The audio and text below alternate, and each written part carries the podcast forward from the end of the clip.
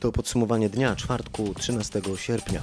Hasła klucze dzisiejszego wydania to wyższa konieczność, rosyjskie szczepienia, ogórek cabrio, słoneczniki na rondach i dzień leworęcznych. Michał Zieliński, zapraszam. Po dwóch dniach niższych dobowych bilansów zachorowań na COVID-19 i wczorajszym skoku do ponad 700 przypadków, liczba potwierdzonych testami zakażeń COVID-19 w Polsce ostatniej doby znów przekroczyła 800. W wielu krajach Europy pandemia przybiera na sile, ale zdecydowanie najwięcej przypadków odnotowuje się w Ameryce, w szczególności w Stanach Zjednoczonych i w Brazylii. Za chwilę w podsumowaniu dnia więcej o sytuacji w Polsce, ale tym razem zaczniemy od tematu, który jest związany z COVID-19. Otóż rządzący przygotowali projekt zmian w przepisach, które wyłączą odpowiedzialność karną, jeżeli intencją działania była walka z koronawirusem i przez to realizacja interesu społecznego. Te przepisy odnoszą się do koncepcji działania w stanie wyższej konieczności, ale wzbudziły bardzo ostre protesty. A oto cytat z tego projektu nie popełnia przestępstwa, kto w celu przeciwdziałania COVID-19 narusza obowiązki służbowe lub obowiązujące przepisy, jeżeli działa w interesie społecznym, a bez tego naruszenia podjęte działanie nie byłoby możliwe lub byłoby utrudnione. Tak brzmi przepis zaproponowany w projekcie posłów Prawa i Sprawiedliwości. Wielu prawników zdecydowanie krytykuje tego rodzaju rozwiązanie. Więcej o tej sprawie Patryk Michalski, który rozmawiał m.in. z profesorem Łętowską. Na przykład urzędnik mógłby bez żadnych konsekwencji kupić trefne, nieprzydatne maseczki po zawyżonej cenie, właściwie od każdego znajomego przestępcy czy w ramach kontaktów korupcyjnych. Przepis dopuszcza też nieproporcjonalność w działaniu funkcjonariuszy państwowych. To jest niebywałe, podkreśla profesor profesor Łętowska. Nie przypominam sobie w moim długim życiu czegoś podobnego, żeby coś podobnego istniało na przykład w Polsce Ludowej. Żeby z góry założyć dla siebie na przyszłość bezkarność w zakresie y, obowiązującego mnie prawa, dlatego, że mam dobre intencje. Jak ustaliłem, duża część polityków Prawa i Sprawiedliwości nie miała pojęcia, pod czym się podpisała i jak poważne konsekwencje może mieć ustawa. Rzeczniczka partii Anita Czerwińska nie chciała odpowiedzieć na żadne pytanie w sprawie projektu. Według opozycji politycy PiSu tym projektem próbują sobie zapewnić bezkarność. Od jutra ma wejść w życie nowa lista powiatów czerwonych i żółtych, objętych dodatkowymi obostrzeniami ze względu na pandemię. To miejsca, w których pojawiła się w ostatnim czasie większa liczba zakażeń koronawirusem. Jest też kolejna nowość, lista powiatów z ostrzeżeniami.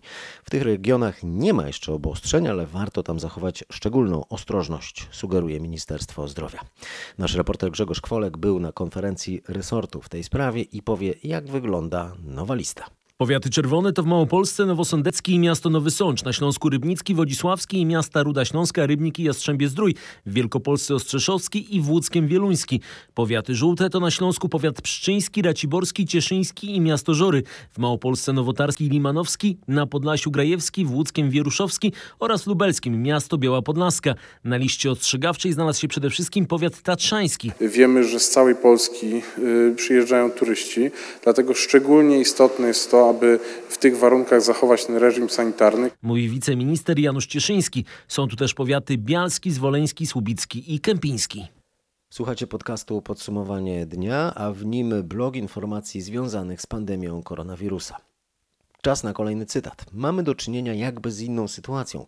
Zostało uruchomione życie w innych sferach. Tak wiceminister edukacji Maciej Kopeć odpowiadał w RMFFM na pytanie o to, dlaczego szkoły mają być od września otwarte, skoro zakażeń jest teraz w Polsce sporo więcej niż na wiosnę, kiedy to szkoły zamknięto. Od 1 września uczniowie wracają do szkolnych ławek, ale w reżimie sanitarnym. Wiceminister edukacji powtarzał na naszej antenie, że decyzję o otwarciu szkół należy rozumieć systemowo, czyli łącznie z uruchomieniem innych dziedzin. Cała rozmowa Pawła Balinowskiego z Maciejem Kopciem jest na naszej stronie w internecie rmf24.pl. A oto jej fragment. Tamta oczywiście sytuacja była zupełnie inna i chodziło też o to, żeby e, pewnym działaniom zapobiegać i to się oczywiście okazało skuteczne. Natomiast my e, jakby odnosimy się do tych wytycznych, wytycznych, które są i Światowej Organizacji Zdrowia i tych, które są podejmowane w Europie a tam w większości krajów zapadły już decyzje o tym, że e, uczniowie w trybie stacjonarnym będą wracać do szkół. A dlaczego sytuacja była inna? Wydaje się, jeżeli patrzymy tylko na liczby, że była raczej lepsza niż teraz. ale też musimy się odnieść do całości, tak, a więc do kwestii i powstrzymywania tego, co się wówczas pojawiło i kwestii tego, co się działo w całej Europie, a więc kwestii i ograniczenia ruchu wewnątrz kraju, i tego, co się działo na granicach. Więc jakby trzeba popatrzeć na to systemowo, więc w ogóle na ograniczenia, które dotyczyły i poruszania się, i te, które dotyczyły transportu publicznego. A duża część uczniów się nimi porusza, czyli patrzenie na, na system tak bardzo wąsko jest po prostu nierealistyczne, czyli musimy się odnieść tego, co w ogóle do przestrzeni publicznej, tak? do, do zajęć sportowych, do tego, co jest e, gdzieś na stadionach. Czyli według Państwa teraz niebezpieczeństwo zakażenia w szkole przy 800 zakażeniach dziennie jest mniejsze niż wtedy, kiedy w Polsce notowało się 300 zakażeń dziennie. Tylko wtedy jakby wiemy dobrze, że e, mieliśmy do czynienia z rozprzestrzenianiem się wirusa e, i te decyzje, które były podejmowane, były podejmowane na podstawie wytycznych i sugestii. Ale to dzisiaj wirus się nie rozprzestrzenia, panie ministrze? inspektora sanitarnego. I dzisiaj też są podejmowane w odniesieniu do konkretnych kwestii, czyli wtedy udało się tym Panie ministrze, ale to dzisiaj wirus, przepraszam, wróćmy do, do początku tego, co pan powiedział. Dzisiaj wirus już się nie rozprzestrzenia? Jest zatrzymany? Mamy do czynienia o- oczywiście jakby z inną sytuacją, ale też trzeba patrzeć na to, że zostało uruchomione życie społeczne w innych sferach i oczywiście następuje monitoring tego, co się stało. E, I stąd chociażby te decyzje, które są o chociażby e, tych strefach żółtej czy e, czerwonej, choć też nie da się przenieść całej sytuacji epidemiologicznej z tych stref na działalność jednostek systemu oświaty, bo mamy sytuację, gdzie oczywiście mamy wzrost zakażeń, ale na przykład w jednym punkcie, tak, to trudno odnieść to do e, całego powiatu czy całego kraju. Teraz w podsumowaniu dnia wracamy do sprawy wyczekiwanych na całym świecie szczepionek na koronawirusa. W październiku mają się zacząć w Rosji szczepienia lekarzy i nauczycieli.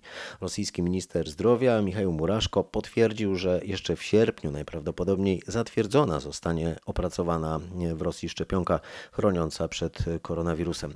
W tym podcaście mówiliśmy już o podnoszonych przez ekspertów na Zachodzie wątpliwościach wobec tej szczepionki, która nie przeszła pełnego cyklu testów. Na początku 2021 roku będzie dostępnych kilkaset milionów dawek szczepionki przeciwko COVID-19, a pod koniec przyszłego roku nawet miliard, zapowiedział z kolei dyrektor Amerykańskiego Instytutu Alergii i Chorób Zakaźnych profesor Anthony Fauci. Tymczasem polskie Ministerstwo Zdrowia zapowiada na razie szczepienia przeciwko grypie dla personelu medycznego.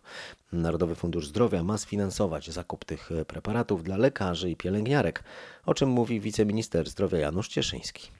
Medycy jako grupa szczególnego ryzyka, zgodnie z wytycznymi międzynarodowych organizacji, otrzymają prawo do, y, do refundowanego, czyli tak naprawdę sfinansowanego przez Narodowy Fundusz Zdrowia podania y, takiej szczepionki y, na grypę. To jest polecenie, które zostanie jutro po zakończeniu procesu wyceny przez Agencję Oceny Technologii Medycznych i Taryfikacji takiego świadczenia. Jutro zostanie do prezesa Narodowego Funduszu Zdrowia skierowane odpowiednie polecenie i przygotow- jakby sfinansowanie takiej, takiego szczepienia wobec medyków i wszystkich osób zaangażowanych w udzielanie świadczeń, czyli wszystkich innych osób, które pracują z pacjentami, czy mają styczność z pacjentami w systemie ochrony zdrowia. Takie środki zostaną na to przeznaczone i taka szczepionka będzie dostępna. Jeżeli chodzi o warunki refundacji dla innych grup, y, to tutaj ta refundacja apteczna pozostaje na ten moment na tym poziomie, na którym jest. A teraz o polskim wynalazku służącym do walki z zagrożeniem wirusowym. Pomysł studenta z Łodzi wzbudził już zainteresowanie nie tylko w naszym kraju. Michał Symulewicz stworzył dezynfektor, który pracuje na podobnej zasadzie jak suszarka do rąk. Projekt zaczął powstawać znacznie wcześniej niż zaczęła się pandemia. Łodzianin po pierwszym roku medycyny i po praktykach pielęgniarskich zauważył, że co chwilę musi dezynfekować ręce i tracić na to dużo czasu. W takim razie jak działa wymyślone przez niego urządzenie? Po podejściu do urządzenia wykrywa nas czujnik ruchu, który wtedy z fazy uśpienia przechodzi w fazę gotowości do dezynfekcji. Wówczas wkładamy do niego ręce, e, czujniki ruchu w środku wykrywają użytkownika, no i wtedy uruchamiana jest pompa hydrauliczna, która poprzez atomizery tworzy taką powłoczkę e, na dłoniach. Ale to rzeczywiście oszczędność czasu. Tak, generalnie, no, ponieważ tutaj w tym standardowym metodzie musimy nacisnąć ten płyn, musimy go rozprowadzić po całych dłoniach, e, to przez to zajmuje ten proces więcej, jest, zużywa on więcej płynu i no, jest mniej dokładny, mniej efektywny. W tym momencie to kto nie pyta, to jest, jak tworzyłem to, no to pierwotnym zamysłem były właśnie szpitale, przychodnie, gabinety, kliniki, sektory y, służby zdrowia. No ale okazało się, że dobie pandemii to jednak potrzebny jest wszędzie. W każdej placówce, w zakładach pracy, w halach produkcyjnych, w przestrzeniach publicznych, w sklepach. Zapytania nie tylko z Polski pan dostaje. No tak, no właśnie teraz mamy spore zainteresowanie też z zagranicy. Właściwie no to już Europa i nie tylko. No i jak teraz na to zapotrzebowanie się odpowiada, jak wygląda produkcja? Jak zaczęła się pandemia, wówczas szukaliśmy też kontaktu, szukaliśmy inwestora, no i w tym momencie producent zajmuje się produkcją. Ja tutaj razem z e, panem Krzysztofem z firmy Gecko zajmujemy się dystrybucją i tak idzie.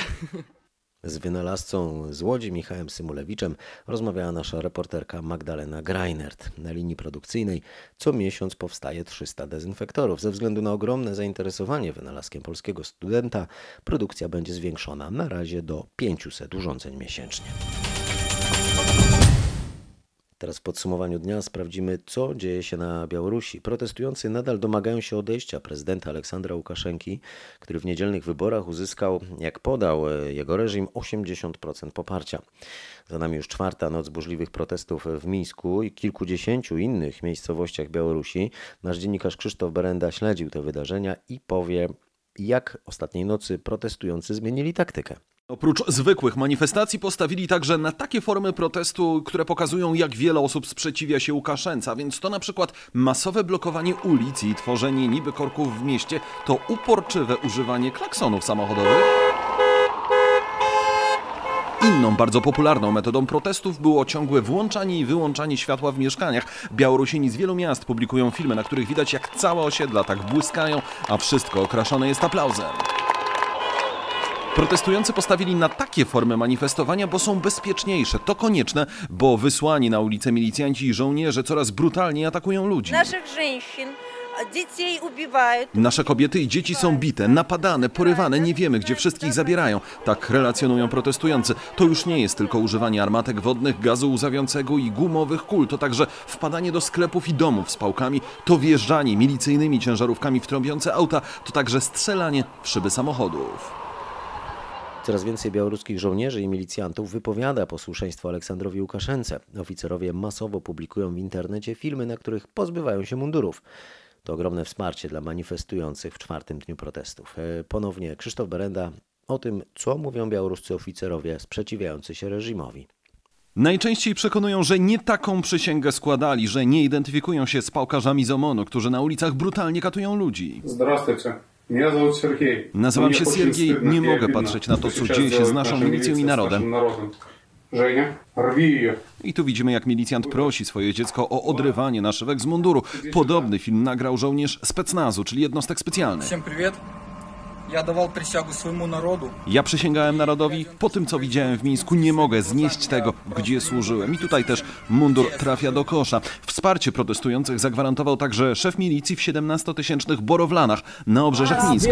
Вас никто гонять, задерживать, трогать не будет. Dziewczyny, nasi funkcjonariusze nie będą was ruszać, jesteśmy przecież sąsiadami, uważajcie tylko na prowokatorów. Oczywiście na razie to tylko wyjątki od reguły. Były i filmy, gdzie funkcjonariusze chwalili się, że dostali ostrą amunicję i będą strzelać do ludzi. Bicie, brak jedzenia, psychiczne znęcanie się i przepełniona do granic możliwości cela. Tak młody mężczyzna, obserwator białoruskich wyborów prezydenckich, zatrzymany w niedzielę przez milicję, opisuje trzy doby, które spędził w mińskim areszcie. Jego relacje publikuje Centrum Praw Człowieka Wiasna, a zapoznał się z nią nasz reporter Krzysztof Zasada. Z jakiego powodu zatrzymano tego mężczyznę? No, powodu nie było. Milicja zatrzymała go przed siedzibą komisji wyborczej, w której chciał złożyć skargę na przebieg głosowania. Najpierw trafił na komisariat, stamtąd z rękami skrępowanymi z tyłu do aresztu. Wtedy zaczęło się bicie. Funkcjonariusze zaczęli od nóg, gdy na korytarzu stał twarzą do ściany. Po rozmieszczeniu w celach okazało się, że w jego sześcioosobowym pomieszczeniu jest 40 więźniów. Za niewielkiego okna co chwilę dochodziły krzyki bitych ludzi dowożonych autobusami. Przez trzy dni nie otrzymywali jedzenia, była tylko woda w kranie. Jak relacjonował mężczyzna, jeden z funkcjonariuszy wlał też wiadro wody do zatłoczonej celi, w której ludzie spali na podłodze. Ostatniej nocy wszystkich z pomieszczenia wyprowadzono na dziedziniec, w cieniu położono twarzą do ziemi i bito pałkami. Nakazano wtedy śpiewać hymn Białorusi i przepraszać. Następnie funkcjonariusze po czterech, każdego z aresztantów zanosili do bramy i wyrzucali na ulicę. W dalszej części dzisiejszego podcastu o słowackich Tatrach, które przeżywają istne oblężenie, o sprzęcie z demobilu, który można kupić w Lublinie. A teraz y, Lubin na Dolnym Śląsku, gdzie matka zostawiła w zamkniętym i rozgrzanym samochodzie dziesięcioletnią córkę. Sama poszła na zakupy. Y, Nasz reporter Paweł Pyclik o tym, kto pomógł dziecku. Pierwsi zareagowali przechodnie, powiadomili policję. Dziecko siedzące w zaparkowanym w pełnym słońcu samochodzie nie mogło otworzyć się zablokowanych drzwi, pukało w szybę i prosiło o pomoc. Jeden ze świadków, widząc, że dziewczynka jest cała czerwona i oblana potem, postanowił jednak nie czekać na przyjazd mundurowych, wybił szybę. Wyciągnął przegrzaną dziesięciolatkę, która spędziła w środku około pół godziny. Na zewnątrz było 30 stopni Celsjusza. Temperatura w aucie mogła być dwa razy wyższa. Matka po przyjściu z zakupów była zdziwiona interwencją. Jak tłumaczyła, myślała, że zostawiła otwarte szyby. Sprawę bada policja. Jeżeli okaże się, że kobieta naraziła córkę na niebezpieczeństwo utraty życia lub zdrowia, może jej grozić do pięciu lat więzienia. Słowackie Tatry przeżywają największe oblężenie od 40 lat. Podczas akcji liczenia turystów, którą przeprowadzono w ubiegłym tygodniu, okazało się, że na szlaki weszło ponad 30 tysięcy ludzi. To prawie 4 tysiące więcej niż podczas rekordowego do tej pory roku 1980. W polskiej części Tatr rekordu nie ma, ale też można zaobserwować dużo turystów, mówi Magdalena Zwijacz-Kozica z Tatrzańskiego Parku Narodowego. Niezmiennie króluje szlak do Morskiego Oka, Dolina Kościeliska i Chochołowska, aczkolwiek obserwujemy też, co się nie działo w poprzednich latach, że więcej osób ustawia się wręcz w kolejce do wejścia na punkcie w Goryczkowej w kierunku Myśleńskich Turni i Kasprowego Wierchu. I powstają zatory w miejscach, gdzie są sztuczne ułatwienia. Standardowym miejscem jest szlak na kopułę szczytową Giewontów. Przez cały lipiec w polską część Tatr weszło ponad 550 tysięcy turystów. Największy ruch odnotowano 28 lipca. Tylko tego dnia na, na tatrzańskie szlaki wyruszyło po polskiej stronie 28 tysięcy osób. Warto dodać, że w polskiej części Tatr jest jednak znacznie tłoczniej. Wynika to z faktu, że podobna jak się okazuje liczba turystów ma do dyspozycji po słowackiej stronie znacznie większy obszar, dokładnie 3,5 raza większy. Lepszym być może wyznacznikiem natężenia ruchu turystycznego jest długość szlaków. Po polskiej stronie jest ich w sumie 275 km, a po słowackiej łącznie 650 km. Sprzęt z demobilu do kupienia w Lublinie. Nadarzyła się dziś pierwsza od kilku miesięcy okazja, by wziąć udział w przetargu organizowanym przez Agencję Mienia Wojskowego. Tym razem było coś specjalnego dla miłośników motoryzacji, o czym mówi Paweł Ostrowski, specjalista agencji w Lublinie. Największym zainteresowaniem cieszy się na pewno y, samochód y, Mercedes y, klasy G drugiej generacji. Jest to Czyli terenówka, pojazd, tak? tak? terenówka specjalnie dedykowana właśnie dla armii.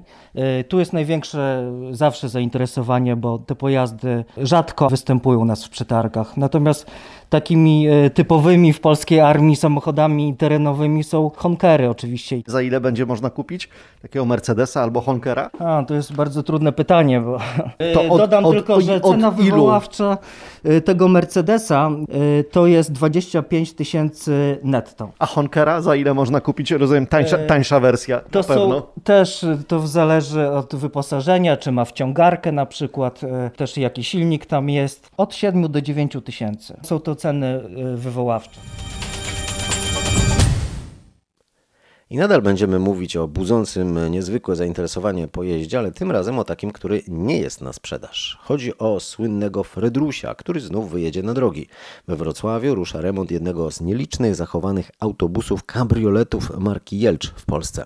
Ten kultowy ogórek jest dobrze znany wrocławianom, kiedyś uświetniał wiele miejskich imprez.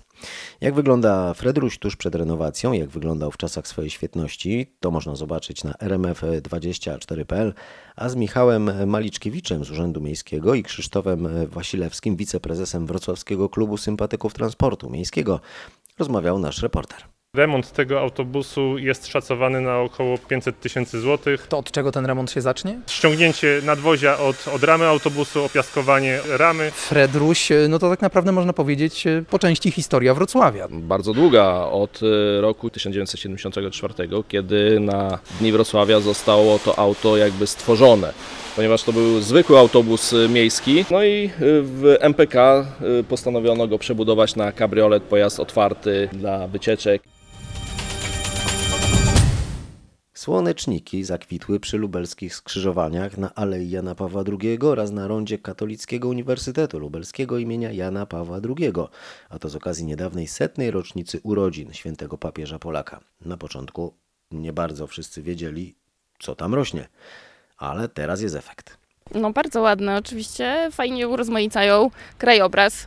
Tym bardziej, że tutaj jest dwupasmowa ulica, więc wygląda to super zarówno z samochodu, jak i, jak i z chodnika, że tak powiem. Jestem na tak, żeby i w przyszłym roku też to tak fajnie wyglądało. Podoba mi się, dlatego że naturalny kwiat, a nie sadzony w szpalery, w jakieś wzory wymuszone. Pasują do ronda, bo rondo jest okrągłe, ten słonecznik jest duży, wyraźny, okrągły, jeszcze się obraca za słońcem. No tak wyglądają właśnie troszkę tak sielsko, lekko romantycznie może na tle tych samochodów, także myślę, że same plusy.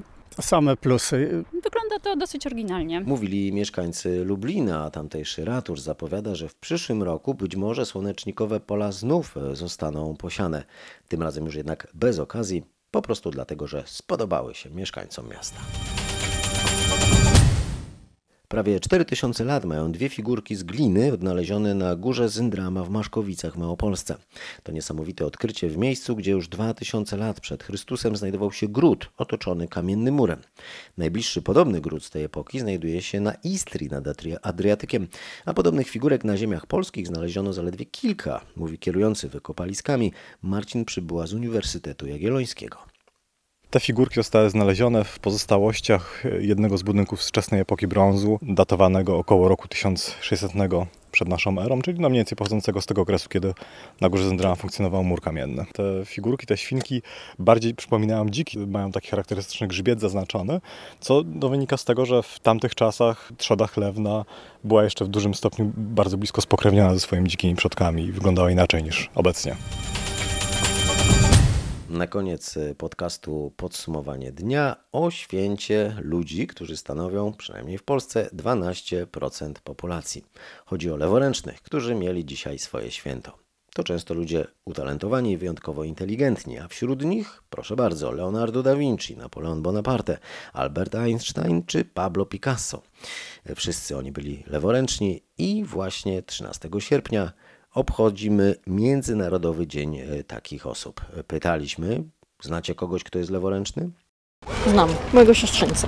I jak siostrzeniec sobie radzi? Czy to jest trudniej w ogóle? Nie, nie, ma 4 latka już. Nie, dla niego to jest naturalne. A czym się różnią takie osoby leworęczne od Myślę, tych? że nie. Może mają predyspozycję do innych e, nauk na przykład. Może bardziej mają duszę artysty, nie wiem. Tak mi się wydaje. Moja przyjaciółka pisze lewą ręką. I jak to jest z tym osobom leworęcznym? Jest im trochę trudniej niż... Teraz to już myślę, że nie ma różnicy. Kiedyś na pewno było gorzej. Tak jak byliśmy mali, to na pewno y, próbowano prze, prze, nauczyć ich tak pisać prawą ręką. Teraz już myślę, że nie.